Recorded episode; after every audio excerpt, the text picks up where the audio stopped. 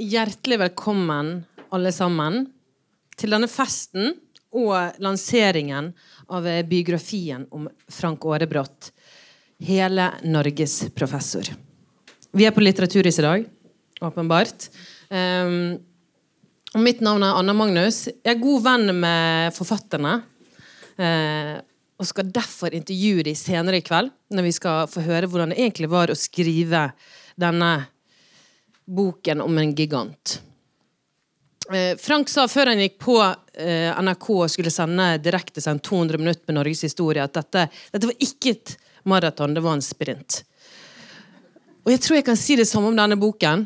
Den er laget på knappe ni måneder. Det er ganske kort tid, vil jeg tro. Jeg har ikke skrevet bok. Men uh, denne var en sprint. Uh, nå skal vi ha en panelsamtale. Den som skal lede den, det er en tidligere student av Frank Åre Bratt, som senere ble kollega. Uh, og tok en doktorgrad med Frank sitt institutt, Samling og politikk. Det kan også nevnes at hun er politisk redaktør i Bergens Tidende. Ta vel imot Frøy Gudbrandsen.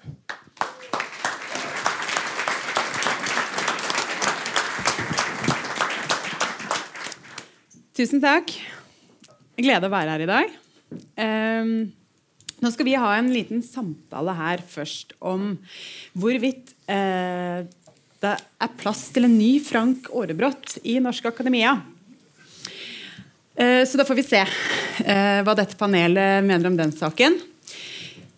Vi har Hans Olav Lahlum, som er forfatter, historiker og foredragsholder. Rektor ved Universitetet i Bergen, Dag Rune Olsen. Sunniva Rose, som er kjernefysiker og frilansformidler.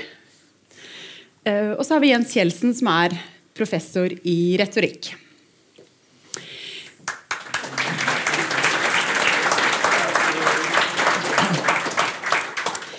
Jeg tenkte, Siden vi skal diskutere om det er plass til en ny eh, Frank Aarebrot, så lurer jeg på om vi må begynne med å definere begrepet Frank Aarebrot, så vi vet hva vi snakker om. Eh, har du lyst til å begynne? Hva snakker vi om når vi snakker om eh, en ny Frank Aarebrot? ja, det var vanskelig. Frank var jo helt spesiell. Jeg tror Frank kunne noe som mange ikke kan i dag. Han var han hadde en vanvittig hukommelse. Han hadde en evne til å huske ting. Og jeg er litt redd for at ikke bare på universitetet, men i skolen f.eks. lærer vi ikke ungdom å huske. Og får jeg lov å fortelle en historie? Ja. Ja. For man skal nemlig alltid begynne med en historie fra Platon.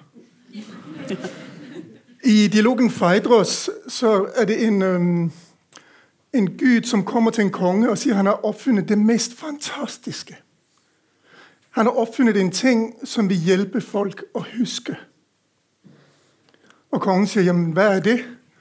Og guden sier, 'Jeg har oppfunnet Skriften'. Skriften vil hjelpe oss med å huske. Og så sier kongen, 'Vel, det var en fin oppfinnelse, men du tar feil i forhold til hva den kan lære oss.' For Skriften vil ende med å lære oss å glemme. Og det tror jeg er et godt bilde på Frank, fordi han var en munnens mann. Altså han, han, måtte ikke, han, måtte ikke, slå opp på Google. Han måtte ikke se en bok. Han hadde all den kunnskapen inni seg. Jeg tror Hvis du skal være en god formidler, så kan du ikke være en formidler som må slå opp på Google først. Altså Du må rett og slett vite enormt mye. Så hukommelse. Hva tenker du? Jeg er kanskje mer da Jeg kjenner jo ikke Frank Aarebrot så godt som det du gjør, så jeg er mer på den generelle måte, hva, ja, hva er en Frank Aarebrot? Jeg tenker det, ja, det er en formidler av eh, rang. Eh, og så kommer jeg da fra jeg, jeg, er ikke så redd for at man ikke skal huske. Jeg kommer fra naturvitenskap, så at det er mer, mindre ting direkte å huske. At man, mer må, man sitter på en måte med ligningen sin og må utlede fra de. Men jeg tenker at han var eller å være en Frank Aarebrot kan du være uavhengig av fag, og, og, det handler jo da om å formidle kunnskap, respekt og kjærlighet for kunnskap, og eh, å gjøre dette for et bredt publikum, og å ha eh, tanke for hvem er mottakeren. Det er kanskje det jeg tenker på med Frank Aarebrot. Dag Rune Olsen. Jeg tenker at Noe av det som var veldig særegent for Frank, det var eh, en helt ekstraordinær fortellerevne. En ting er å, kunne faget sitt og huske det, men å skape en fortelling ut av det som fenger. Det å skape en dramaturgi, eller ha en dramaturgi i fortellingen sin, som gjør at man blir revet med, tror jeg er helt avgjørende. Og så har jeg lyst til å si at eh, jeg tror også at eh, det høres kanskje rart ut for de som kjente Frank, eh, å si at han uh, lyttet. Han snakket jo mye. Det må jo kunne være skjønt enige om. Men det som jeg tror, og det så han i møte med studenter osv., det var jo at han, han greide i hvert fall å anamme det språket, den, den kommunikasjonskanalen, det krevde for å komme gjennom. Og det tredje og siste det er at han skjønte at han måtte sette ting i sammenheng. Kontekst. Det breie bildet. Slik at det var snakk om mer forståelse enn husk fakta og de tørre, kjedelige tingene som vi ofte nok går i en eh, fellen med å formidle på universitetet. Mm. Hva tenker du? Nei, jeg tenker at Hukommelsen var åpenbart veldig god. Fremstillingsformen, eller fremstillingsevnene var tidvis uh, formidlingsevnene var tidvis så gode at hukommelsen fremsto som enda bedre enn den egentlig var. uh, og det er en uh, positiv greie i denne som altså, Men han, han, hadde noen ting som skilte ham ut fra akademia. Jeg oppfattet han egentlig ikke primært som en akademiker, selv om han åpenbart var det også. Eh, det ene er jo bredden i interessefeltet. fordi Han var jo opptatt av veldig mye mer enn hva de fleste eh, er. Han hadde mye større bredde. Dermed også en større evne til å se ting i eh, sammenheng og kunne tenke opp de store linjene, som jeg tror de fleste vil være enige om at var en stor fremgang han hadde. Og så er det en del akademikere, enten man driver med ekstern eller intern formidling, som prøver å bruke flest mulig fremmedord. Frank brukte færrest mulig fremmedord. Eh, og hvis han måtte bruke fremmedord, så forklarte han eh, for folk hva de innebar i denne sammenheng. Og dermed så nådde han ut til et mye større publikum enn det de eh, fleste andre gjorde. Så det er dels bredden i det, og så var det noe med aktualiteten. At han prøvde også å ta tak i veldig store aktuelle ting. Jeg tror han ofte spurte seg selv, uten at jeg kjente han så godt personlig. Så er jeg overbevist om at han spurte selv hva er folk der ute opptatt av? Hva er det interesse for? Og hva er det sånn sett? Og Det har jeg jo prøvd å gjøre noe av det samme. Jeg kan godt si at han har vært et visst eh, forbilde på det. Altså Da jeg eh, skulle begynne på eh, hovedfag i historie, så, så satte jeg meg ned og tenkte etter hva er det interesse for der ute. Hva kan det være at avisene vil ha interesse av? Hva kan det være at det senere vil være interesse for å skrive bøker om?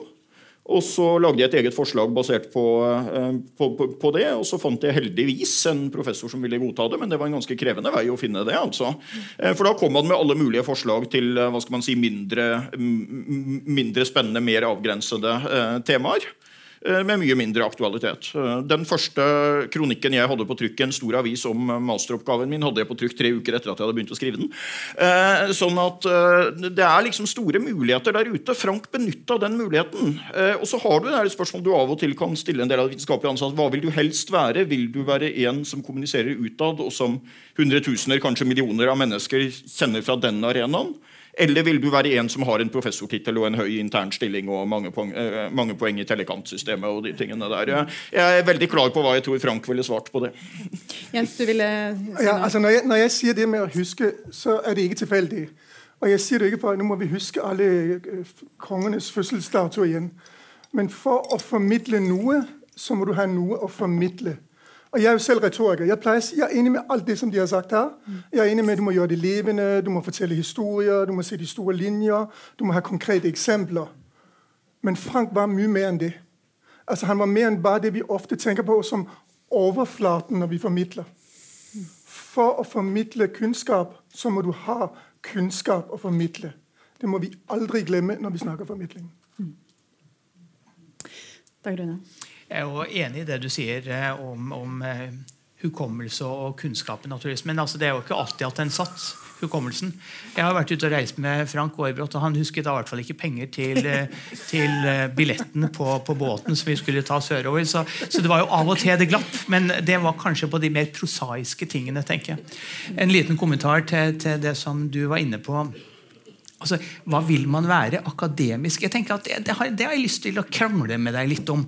Fordi at uh, det gir et sånt uh, et bilde av akademikere som uh, ikke er i stand til å se utenfor sin egen lille fagdisiplin. Og det tror jeg er akademia av nyere dato. Hvis du går tilbake til de sanne akademiske røtter, tradisjoner, der vi kommer fra, så f.eks. på universiteter så pleide professorene Det var jo da man eh, det stort sett var menn. De hadde jo ingen forpliktelser. De hadde eh, kone og barn, men de gjorde jo ikke noe særlig ut av det. Så de spiste middag sammen i et sånt mannlig fellesskap. Men de var, det fine med det, da, i den grad det var noe, det var jo at man i større grad møttes på tvers av disipliner og diskuterte fag på tvers av uh, ulike områder osv. Norge vi nok ikke hadde den tradisjonen, for universitetene våre er ganske moderne, nyere dato. Moderne høres kanskje Det er mange som ikke mener at vi er moderne. i det hele tatt, Men altså, i en sånn 200-400 års kontekst så er vi ganske nye. Så vi har ikke den type tradisjon. Men altså, tidlig så var noe av akademias natur det var på en måte å utfordre hverandre på, på, uh, på tvers av disipliner. Så denne, sånn, Det å ikke greie å se helheten er etter mine begreper en litt mer moderne greie innenfor akademia. Men det er nettopp det. Pleide er, liksom, eh, er, jo, er jo et viktig ord her. At det, sånn pleide det å være. Så, eh, for det er jo helt sant. og ja, nå skal vi jo snakke mer om Vi vil få disse Frank Aarebråtene i fremtiden. Men nå har vi jo, nå har vi jo ikke Det er jo ikke sånn lenger. Nå er det jo Publisher Parish er jo en, eh, er jo en sannhet i, eh, i akademia. Ja. Skal vi gå rett på den? For den, den tellekantsystemet, publikasjonskrav, det er noe av det første som folk nevner når det gjelder muligheten for å dyrke fram en Eller slippe fri, eller hva man skal kalle det, en ny Frank Aarebrot. Er det en motsetning mellom publiseringskrav og evnen til, eller muligheten for å bli en god formidler? Ikke nødvendigvis. Men altså, de som Hvis det sitter noen her som er gift med en akademiker, så vil de, så, ja, da vil de vite at det ikke er ofte de ser han eller hun i helgen. For der jobbes det. En akademiker er alltid på jobb. Vi har alltid travelt. Og En av grunnene til vi har det, er at vi skal publisere så mange artikler som mulig. Og det er veldig mange problemer med dette systemet, syns jeg. Så det er en av årsakene til at det blir vanskelig å, å formidle fordi du må konsentrere deg om det, og så kan ikke du konsentrere deg om å forberede deg til en debatt eller være med på Dagsnytt 18. Men hvis noen tenker ja, da må vi likestille disse to Nå skal vi ha et, et registreringssystem, et tellekantsystem for formidling, så tror jeg det er helt feil å gå. For da går du bare enda lenger i det som på mange måter er problematisk, nemlig en ytre styring. Altså, Du får ikke lyst til å formidle og du blir ikke god til å formidle bare fordi du får poeng i det. For meg å se så handler det om en kultur, og det er den som, som vi innenfor universitetet, dere som er utenfor universitetet, og våre ledere på universitetet, rektor, må være med til å skape en kultur hvor det er positivt og berikende å formidle, og hvor vi hjelper hverandre til å bli gode til det. Sunniva, du, du, valgte jo faktisk å forlate akademia. Ja, eh, jeg kan jo si det sånn at da vil jeg også fortelle en liten historie om ja. meg selv. Jeg, da. Eh, da jeg var nyansatt eh, doktorstipendiat på Universitetet i Oslo, så skjedde Fukushima-ulykken i, eh, i, Japan. Japan ble rammet av jordskjelv og tsunami og Fukushima-kraftverket, som, som, da var den nest mest alvorlige kjernekraftulykken vi har hatt i verden noensinne. Og eh, da var det sånn at jeg havnet i en litt rar situasjon. At jeg plutselig var en av Norges fremste eksperter på det som skjedde liksom, på kjernekraftsiden. Fordi vi da ikke har en industri, så selv om jeg var stipendiat, så var jeg likevel liksom kunne mye om det. Og da begynte telefonen å ringe. Og da følte jeg veldig på at men jeg har et samfunnsansvar nå. Jeg må ta den telefonen. Jeg har lyst til å snakke med disse journalistene. Jeg har lyst til å være med, jeg har lyst til å fortelle og bruke tid på dette. Og jeg brukte masse tid på det. Og, jeg, og det, det, var selvfølgelig var veldig veldig givende, fordi jeg så at jeg gjorde et eller annet som folk satte pris på. Men så skjønte jeg jo altså, Ingen av oss har mer enn 24 timer i døgnet. Hvis jeg bruker halvparten av tiden min på formidling, så blir det bare halvparten så mye tid på den vitenskapelige produksjonen. Og dermed skjønte jeg jo at hvis jeg fortsetter med dette her, så fins det ingen karriere for meg i akademia. Og da valgte jeg at men, men jeg, det er så viktig å formidle, så da får det heller bare være. Da. Selv om jeg syns det er veldig trist. Jeg skulle veldig gjerne kunne gjort begge deler. Jeg vet ikke, Det kan godt at du har helt rett i det at det ville vært feil med telekantsystem på, på formidling også. Eh, det vet jeg ikke helt. Men all den tid det nå er et system allerede hvor det er et telekantsystem på hva du publiserer, man får et ganske sånn relativt matematisk 'dette er deg, og så flink er du', så skulle jeg ønske at jeg da kunne på en måte veie det på at jeg har faktisk gjort ganske mye annet som da ser ut på for meg som jeg har gjort ingenting. Og det gjelder også hvis du går på Frank Aarebrot og går inn på Kristin og ser på, eh, ser på hans vitenskapelige publikasjoner de ti siste årene, så ser det ut som han ikke har gjort noen ting. Med mindre, du, med mindre du da plutselig begynner å legge til selvfølgelig alt det han faktisk gjorde. Mm. Ja. Dagrun Olsen, du ville ha ordet? Ja, jeg har bare lyst til å, å, å um, si meg enig med det Kjeldsen sier uh, om tellekanter. Det har nemlig vært forsøkt å lage sånne tellekanter for formidling. Mm. Og så viser det seg jo at formidling er altså en meget mangslungen aktivitet de tellekantene vi har, de er egentlig ganske lett tellbare i den forstand at det handler om vitenskapelige artikler, produksjoner. Noe som det er på en måte relativt udiskutabelt hva er. Det går i hvert fall an å identifisere det, sånn at vi vet hva vi snakker om. Formidling derimot er utrolig mye bredere enn som så. Nå snakker vi om en ganske klassisk form for formidling. Foredragsholding, TV, kronikker osv. Men i formidlingsbegrepet i universitets- og høyskolesektoren så har vi kunstneriske performance osv. Vi er masse. Og det har vært gjort forsøk på å lage tellekanter, og man har havarert og man har gitt opp. Og det, det tror jeg egentlig ganske like greit, for vi har evig nok tellekanter. Men er det en, men, en, en, eh, motsetning mellom nei, ja, men det er derfor, altså, Jeg tror ikke det er en motsetning, fordi jeg tror noen av de aller flinkeste uh, fagfolkene våre, uh, altså vitenskapelige, kan også bli briljante formidlere. Og det har vi veldig mange eksempler på. Så jeg nekter å akseptere denne dikotomien. -hmm. I tidlig karrieren så er det vanskelig å få det til, for det er ikke nok tid. Men altså de briljante forskerne våre kan også være briljante formidlere. Vi må ikke gå i den fellen og tro at hvis du bare er dyktig nok faglig, ja, så er du sannsynligvis ikke i stand til å, å formidle. Og Derfor så tror jeg, som, som Kjeldsen også sier, det som er viktig her, er ikke tellekanter. Det viktige det er en kultur, det er anerkjennelse. Hvis jeg kan bare få lov å si det. Eh, at når Frank hadde hatt sine 200 minutter eh, og 200 år, så ga vi han en liten påskjønnelse i, i, eh, nærvær av hans mange studenter midt i en forelesning. Vi har ikke så mange muligheter for å påskjønne den type, eller eh, utover det vitenskapelige, så vi, vi laget en anledning. Det er viktig for oss å Hvorvidt hvor det var viktig for han, det vet jeg ikke, men det var viktig for oss i en kulturbygging å fortelle at dette setter vi pris på. Og det skal jeg fortelle deg, det fikk vi ganske mye kjeft for. kan komme Interessant. tilbake til det. Hans Olav?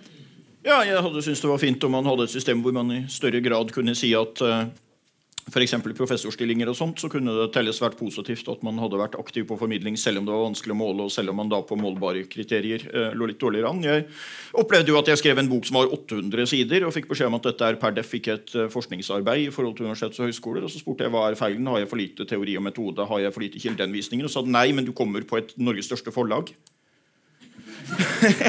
Eh, og det teller ikke i den sammenheng. Du må komme på et eller annet sånn akademisk forlag og ha et mindre opplag. og sånn, da går det fint. Liksom. Og det, det, er jo også noe paradoksalt at man ikke skal vurderes på innhold. Nå er det mulig at man har rettet opp den senere, men det er noen utfordringer der.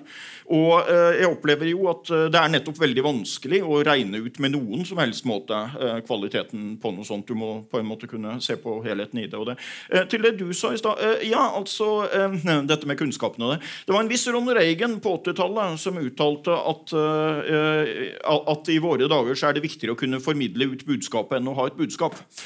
Eh, og Det er litt tankevekkende at en mann kan si det og bli USAs president. Og det var ennå før Trump. Eh, altså Det ble verre etterpå. Og Da tenker jeg at da er det viktigere enn noen gang at vi har akademikere som er kompetente og har kunnskapene og er der ute. Og da må de oppfordres det nettopp som et korrektiv til politikerne. Ja. Reagan kunne bli president, men han kunne ikke bli professor på Universitetet i Bergen. Jeg det syns jeg vi skal tenke litt over. Når vi tenker på de som publiserer altså Jeg er ikke noen fortaler for det Telekan-systemet. Jeg synes de har veldig veldig mange problemer. Og til de som ikke vet hva det er, så er det rett og slett å telle opp artikler i bestemte journaler, altså tidsskrifter, eller bestemte utvalgte forlag som gir poeng. Og noen gir flere poeng enn andre, og det er et veldig problematisk øh, system. Men det er en overrepresentasjon blant de som publiserer mest, som også formidler mest. Så tenk over det et øyeblikk. Jeg har har, jeg har vært mye i mediene, uttalt til aviser, radio. Jeg har holdt, Nå setter jeg min karriere i fare her, siden min øverste sjef. Jeg er holdt opp med å registrere mine medvirkninger i, i mediene. Jeg orker ikke å sitte og registrere alle disse tingene. Jeg vil heller forske, bruke tid på å forberede min undervisning. Og som, som Dag Rune sier, å skulle sette alt dette i system med å vurdere hvordan pokker skal vi gjøre det. Jeg, på min, på min fritid Dag Rune, leder jeg noe som heter Ta ordet. Det er retorikkgruppen ved Universitetet i Bergen som har laget en talekonkurranse for videregående elever. Hvis du er her fra byen, så kom til universitetsaulaen på fredag fra 17 til 19, for der skal vi gjøre det der. Vi har kurset Ja. Vi har, vi har kurset hundrevis av lærere. Vi har tusenvis av elever involvert i å lære å holde taler. Hvordan skal jeg registrere det? Hvor mye skal det telle? Hvor mye skal en uttalelse til Dagbladet telle? Hvor mye skal en, altså Det blir helt umulig, og det blir bare mer registrering, som i alle fall ikke jeg orker å gjøre. Ja, og det er mye Tellekanter. Uh, jeg er helt enig. Det å sitte og registrere ting er dritkjedelig. Så det, men og, så kommer det, og så sier du at ja, og, og, dessuten så er det vanskelig, så da må vi ikke gjøre eller litt kort, da må vi ikke gjøre det. For meg så blir litt konklusjonen at vi burde ikke hatt tellekanter. punktum, fordi Så lenge vi da sitter igjen da med disse vitenskapelige produksjonstellekanten, så hvis man da så, så spørsmål da om vi skal ha tellekant og publisering, nei, på, unnskyld, på, på, formidling, det oppstår jo nettopp fordi man sitter her og har liksom dette man blir målt på, og så ønsker noen, da, noen av oss i hvert fall, at det skal være også andre ting man kan bli målt på. Men så sitter man et system med tellekanter, og det er derfor man kommer opp med ideen burde man ha tellekanter på mm. formidling. Jeg tror heller ikke at det egentlig er en god idé, og jeg er helt enig i at det er blir fryktelig vanskelig å gjøre. Men hvordan skal man, hva er det vi egentlig skal vurdere vitenskapelig ansatte på? Fordi i dag så har vi et system eh, som gir oss nøyaktig de vitenskapelige ansatte vi på en måte ønsker. Spørsmålet er er det det samfunnet egentlig ønsker? Fordi unge forskere da, som mm. har lyst til å bruke ut fra din erfaring da, unge forskere som har lyst til å bruke mye tid på, på formidling, mm. vil slite med å få jobb ja. på et senere tidspunkt. Uh, ja. ja. ja. Men altså, Hans, Hans Olav sa ja, hva skal vi gjøre? Jeg er helt enig med, med du at man skal oppvurdere det. Jeg har ikke lyst til å si man skal telle det. Men f.eks. eksempel, man skal, ha det, man skal ha det eksplisitt når vi ansetter folk, at vi verdsetter formidling. Slik at når vi nedsetter komiteer som skal ansette folk, så må, så må, de kunne forholde seg til regler og utlysningstekster som sier dette er viktig. Mm. Takk, Rune. Ja, altså det er jo slik da, at I henhold til universitets- og høyskoleloven så har vitenskapelige ansatte de har fire, som institusjoner har fire oppgaver. Det er forskning, det er undervisning, det er formidling og innovasjon. Problemet med disse fire det er at siden vi har tellekanter på forskning, for så vidt også hvor mye undervisningserfaring du har, så blir det slik at det vi skriver inn av krav til formidling, men også ja, innovasjon er også mye enklere å telle. Sånn at det, det, at ting telles, eller kan telles, det flytter fokus når du skal begynne å skrive sammen helhetsvurderingen. Så det er rett og slett altså et sånt, et sånt tellesvøpe som vi kommer opp i. Og jeg tror vi skal være mye tøffere for å kunne oppvurdere formidling i så stor grad som vi egentlig trenger å gjøre. Og er, Der er vi ikke tøffe nok. Så har jeg lyst til å legge en ting til. fordi at Nå driver vi og diskuterer en sånn intern, nasjonal kontekst. 30 eh, av søkeren Nei, det kanskje mer. Eh, vi har i hvert fall eh, stor andel av søkerne til fast vitenskapelige stillinger til norske universiteter de kommer jo fra alle andre steder enn Norge. Og Andelen som vi tilsetter, den er jo naturligvis økende. Og Internasjonalt sett så er det om mulig enda mye mindre viktig med formidling enn det vi sitter og diskuterer her. Og Det betyr at de, når de kommer, så har de altså innrettet seg mye tøffere mot en spisset vitenskapelig karriere. Og da står vi i fare for å eh, ha et system som er in med internasjonal mismatch. Så vi må finne ut hvordan vi skal få til dette på en annen måte enn de rene tellekantene. fordi da, da vet vi at det går ikke den, den veien vi nå eh, sitter og forsøker å få til. Mm. Men det, eh, mitt inntrykk er at det er jo ja, mitt inntrykk er for det første at det har skjedd en endring, og at det, at det, går rett vei. At det er flere som viser interesse for, um, formidling i akademia. Jeg vet ikke om det stemmer, men det er mitt inntrykk. Og så tror jeg at det er en del der ute, uh, unge forskere, kanskje voksne forskere for, for den saks skyld, som uh, har lyst til å bli bedre på å formidle. Men hvordan er det man får det hvordan får man det til? Hvordan legger man rette til, å, til rette for at flere kan bli bedre til å formidle? Altså, vi har jo I doktorgradsutdanninga har vi jo formidlingskurs. Eh, som gir deg på en måte en sånn helt basic eh, innføring i hvordan skrive en kronikk eller noe sånt, og forsøke å formidle noen av de mm. forskningsresultatene. Hvor, hvor stor grad vi lykkes, kan man naturligvis diskutere. Men det som, eh, som er mer spennende, synes jeg, det er at forskere sånn i, litt ut i karrieren sin, de er, men altså fortsatt veldig unge, de etter etterspør jo fra oss i mye større grad kan vi få hjelp til å dyktiggjøre oss. Ikke bare til å skrive kronikker, men altså være med i debatter eh, på Litteraturhuset. Eh, hva, hva, skjer hvis jeg blir oppringt av radio? Hvordan skal jeg forholde meg til den type samtaler? Så jeg, Der er jeg veldig enig med deg, Frøy, at vi, vi ser en helt annen holdning blant unge forskere når det gjelder ønsket om å formidle. Og jeg tror at unge forskere i dag ser annerledes på samfunnsoppdraget sitt enn eh, eldre forskere. Og Det er egentlig veldig godt nytt. Så er spørsmålet hvordan vi greier å legge til rette for at de skal kunne få til det. Men da finnes det jo da folk som har jobbet i TV og sånne ting, som slutter å gjøre det, og som etablerer egne byråer som selger tjenester til oss. Og de skal jo også leve, har jeg latt meg fortelle, så de må vi jo understøtte litt. Og det prøver vi å gjøre. Ja, Det finnes masse kompetanse eksternt som man kan hente inn på det med formidling. og sånt, og det handler litt, Jeg var delvis beroliget av det du sa nå, fordi jeg er helt enig i det siste du sa. at man trenger å opprioritere det. Og det er også en mentalitetsgreie. i ganske stor grad. Men også, jeg er også enig i at det er langt på vei en generasjonsgreie, men nettopp der var jo Frank et stort forbilde. Da, fordi han tilhørte jo en generasjon hvor veldig mange professorer ikke var opptatt av den siden. Og jeg tror vi trenger å oppgradere den formidling. Du var bekymret for det der med det internasjonale. Jeg lurer også litt på det nasjonale. Ja, for jeg synes det er veldig viktig at vi ikke lever vårt eget liv som en slags stat i staten, men at vi er der ute i offentligheten. og sånt, og Det er jo også et hensyn jeg mener bør uh, tenke mye på der. Jeg har jo et par sånne, for eksempel, altså, Jeg blir jo da oppringt Eh, stadig vekk og spurt om jeg ikke kan komme i det og det TV- eller radioprogrammet og snakke om det temaet. Og så sier jeg noen ganger at eh, det temaet for det første kan jeg ikke på så kort varsel. Det skjer hos jo alle sammen. Men det andre er jo da at det tidvis skjer at uh, jeg liksom da må si at det temaet føler jeg ikke at jeg kan godt nok til at det er naturlig at jeg går i debatt. Men her har du navn og telefonnummer på tre stykker som jobber på Universitetet i Oslo. eller noe slikt. Og så ringer de tilbake fire timer senere og sier kan du stille. Ingen av de ville. Uh, og hvis du da ikke kan, så, så avlyser vi debatten. Uh, og det er jo fordi at De ringte til professor på Universitetet i Oslo. Hadde ringt til Universitetet i Bergen, så hadde det men, men, men, ja. Men, men, men, det, og det er vel at det er et bra poeng, men der er det jo da store muligheter for Universitetet i Bergen. Ja. hvis man vende på det. Og en annen sånn ting, også når det gjelder søknader og sånt. Nå har Jeg søkt, jeg har jo valgt et selvvalgt liv utafor akademia etter studiene. Eh, jeg søkte én stilling for noen år siden, og det var nettopp fordi jeg fant det veldig spennende at den var øremerka til formidling. altså en deltidsstilling innenfor akademia. Eh, og jeg ble nummer to. Det var helt greit. Vedkommende som ble ansatt, var veldig kompetent. Men det var en del tankevekkende ting i prosessen og på begrunnelsen. Blant annet så er det en sånn fantastisk setning som jeg nå tar fritt etter hukommelsen. Eh, men legg merke til at dette er en stilling som er øremerka formidling. Og Det står da annet i begrunnelsen at sitat, Lahlum er nok den norske historikeren som er mest fremme i eh, radio, TV og aviser. Men dette oppveies av at motkandidaten har gjort mer for instituttets hjemmeside.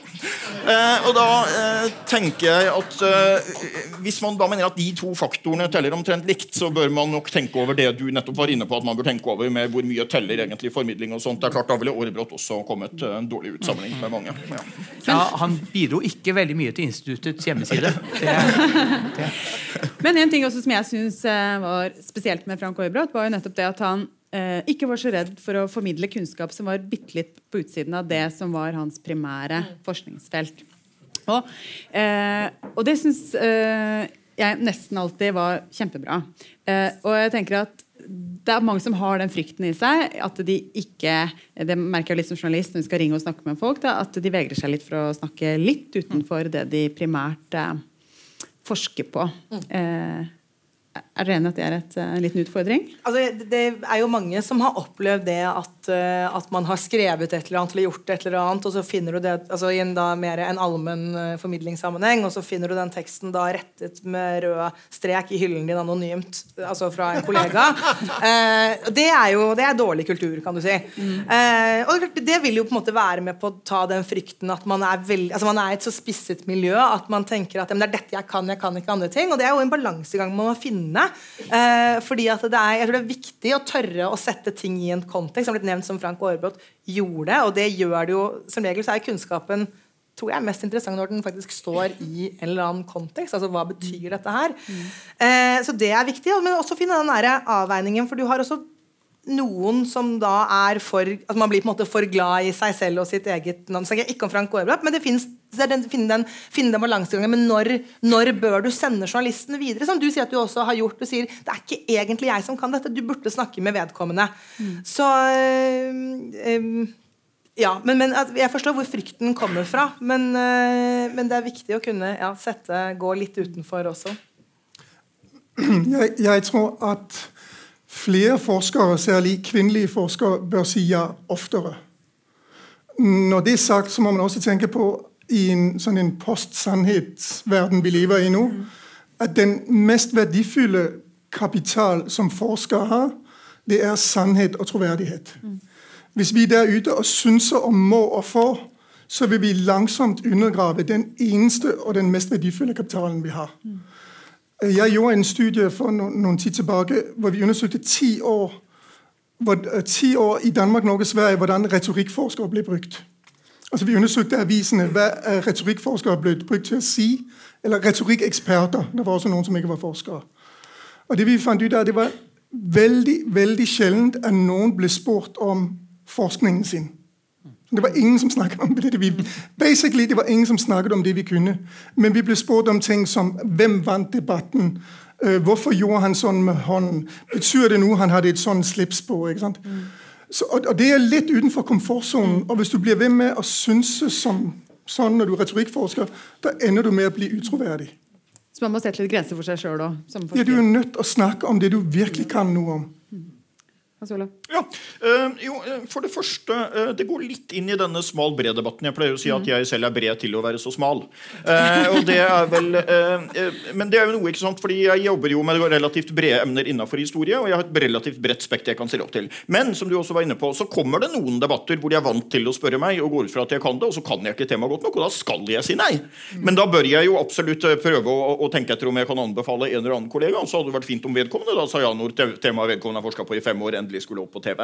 Eh, på sett og vis. Så eh, det er det ene området med det. Og det var en veldig fin ting med Frank. at han var han hadde et så bredt interessefelt at han også derfor lettere kunne trekke de store sammenligningene og komme med en del perspektiver som andre ikke så lett tok. Så han er et veldig godt argument for det der. da, At man eh, i hvert fall over tid jobber med litt ulike temaer.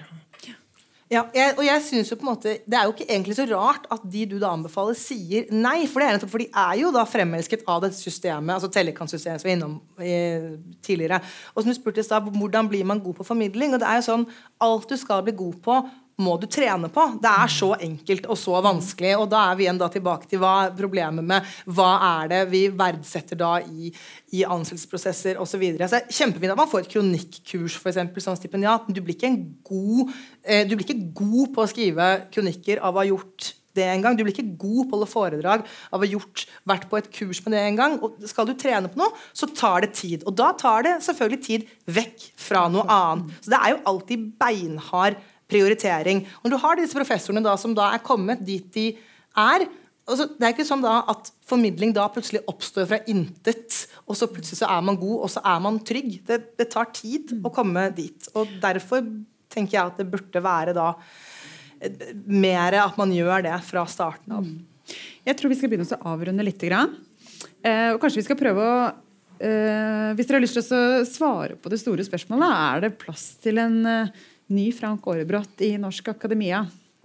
Har du lyst til å begynne å ja. ja, eh, En liten ting jeg nå glemte å nevne i stad, som er litt viktig når vi snakker om det med kronikker. Nå har jeg i høst hatt eh, på trykk tre kronikker i riksaviser. Jeg har gjort tre forsøk. I alle tre tilfellene så var det et tema som var veldig aktuelt oppe, hvor jeg tenkte at her har jeg noe jeg kan knytte det til, og noen perspektiver jeg har ut fra mitt virke, som jeg ikke har sett framme ellers. I alle tre tilfellene så sa en av Norges største aviser umiddelbart ja. Så det er litt med å være på tilbudssida og ta litt initiativ også. Så hvis man vil skaffe seg trening og skrive en kronikk om det, burde jo de fleste eksperter der klare. Eh, ja, jeg tror det finnes, men eh, Frank hadde jo en lang vei fram å gå og møtte en del eh, motbør. Det gjør man nok også i dag. Eh, og så må man huske på at eh, Frank var jo en veldig veldig spesielt, vi kan godt si unikt tilfelle innafor det. For å få opp én sånn, så må du kanskje dytte fram og få frem ti stykker som er på et nivå under der, for at du skal få opp en uh, sånn igjen. Men jeg tror for å ende på et positivt spor, at det er litt lettere enn det var. faktisk. Uh, jeg tror det er blitt lettere nå enn det var. Men det varierer veldig med instituttet, instituttbestyreren og selvfølgelig personen, og kulturen og mentaliteten rundt det. Men ja, optimist mulig. Kan jeg få lov en liten kommentar tilbake til dette med når man skal sette grenser for seg ja. selv? Når, og det, jeg skal huske på at um, I Norge så har vi forskningsetiske retningslinjer. Det er tre forskjellige av det. Jeg tror ordlyden er noenlunde likelydende på følgende punkt. Nemlig at dersom man uttaler seg um, utenfor sitt eget kompetanseområde, skal man ikke skrive under med Eh, professor eller tittel. eller noe sånt. Så det finnes noen beskrankninger der som, som, jeg tror vi tolker snevere enn vi egentlig gjør. Og I tillegg så tror jeg at ikke tellekantene, men den interne justisen i fagmiljøene gjør det vanskelig for mange å uttale seg litt bredere enn det man snevert sett. Det tror jeg vi bør eh, være litt mer rause med hverandre i akademia. Eh, det tror jeg er eh, mangel på raushet tror jeg setter begrensning for dette. Så til finnes det, eller er det plass for en ny Frank Aarebrot i Norsk Akademi? Klart det er det. Problemet er ikke om det er plass til en ny Frank Aarebrot, men alle de andre som ikke er så spektakulært gode formidlere, men som er kjempeviktige for at vi skal få det for bredden, eh, et tilfang av flere man kan ringe til for journalister fra osv. Det er ikke like sikkert at det er plass til de. Og det er kanskje vel så viktig. Og, det er jo for så vidt det du sier, eh, at, at eh, for å få en Frank Aarebrot, så må du kanskje ha 10 eller 20, eller hva det måtte være. Og hvordan vi greier å fostre de, og, og, sørge for at de får karriere som både solid akademisk, og hvor man kan formidle og by på den kunnskapen, som jo står seg aller best når den deles raust, og da må den formidles, ja, det er jeg mer bekymret for. Mm. Eh, helt enig med det dere sier om at eh, ja, de som ikke er helt på Frank Aarebrot, må ha 10 per 1 eller 20 per 1 osv. Men allikevel er jeg også Jeg er nok mer negativ fordi jeg lurer på altså Jeg er ikke i tvil om at når man på en måte vet at dette er en Frank Aarebrot, da tror jeg det er plass til vedkommende i akademia. Men hvordan skal akademia vite at dette er en Frank Aarebrot? Hvordan kommer vi dit? Og så vidt jeg, men mulig jeg tar, ikke vet nok om hans publikasjoner i tidligere år. Kanskje han hadde en stor vitenskapelig uh, publikasjonsliste da, men hadde i hvert fall ikke det på slutten. Og da, så spørsmålet er, hvordan, hvordan, kommer du dit? Hvordan får du da folk fram dit? Så jeg tenker at uh, ja, akademiet vil egentlig gjerne ha Frank Aarebråter, men systemet er ikke laget for å få Frank Aarebråter frem i, en vis forstand så var det ikke plass til Frank Aarebrot tidligere heller. Hadde ikke vært for veldig gode venner og gode kolleger, så hadde han vel aldri skrevet hovedoppgaven sin ferdig. Så hadde han, ja, men det er jo alvorlig. Så hadde han vel aldri uh, blitt professor. Folk hjalp han med å skrive den professorsøknad. Og han har fortjent begge deler. Det er ikke det. Men han hadde, han hadde en sånn vanvittig evne til å formidle. Og så er det veldig viktig å huske formidling er mange forskjellige ting. Gode formidlere har mange forskjellige karakterer. Jeg samarbeider noen ganger med, med Trond Albert Skjelbred, som er partner i NordPR. Han forteller om den beste foreleseren han hadde, var Torgeir Reve. Han satt helt stille med en veldig veldig kjedelig sånn overhead-slide som det var den gang. Og så la han en kulepenn ved punktene. Og så begynte han å fortelle om første punkt. Og så flyttet han kulepennene til neste punkt. Men det han sa, var så fortettet av mening at alle satt og, alle satt og skrev så blyet sprøytet. Det var før den bærbare datamaskinen. Og så tenk på dette. Vi, vi, bør alltid ha plass til Frank Aarebrot, men hvis alle vi var Frank Aarebrot, så hadde det nok ikke gått så bra med universitetet. Jeg tror ikke det er noen fare med det. Nei, det er ikke noen fare med det. være redd for den der, nei, nå men, det presedens i formidling. Men poenget er vi må se etter forskjellighet også i formidling. Og så Hvis jeg får lov til å si den siste ting. Det som var spesielt med Frank Aarebrot, er at han var saklig i ordets opprinnelige retoriske forstand.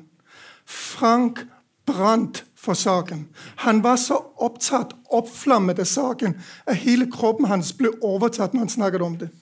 Og når du har en mann som er så oppflammet av saken, så setter han ild til deg også. Da sier vi tusen takk til denne debatten her.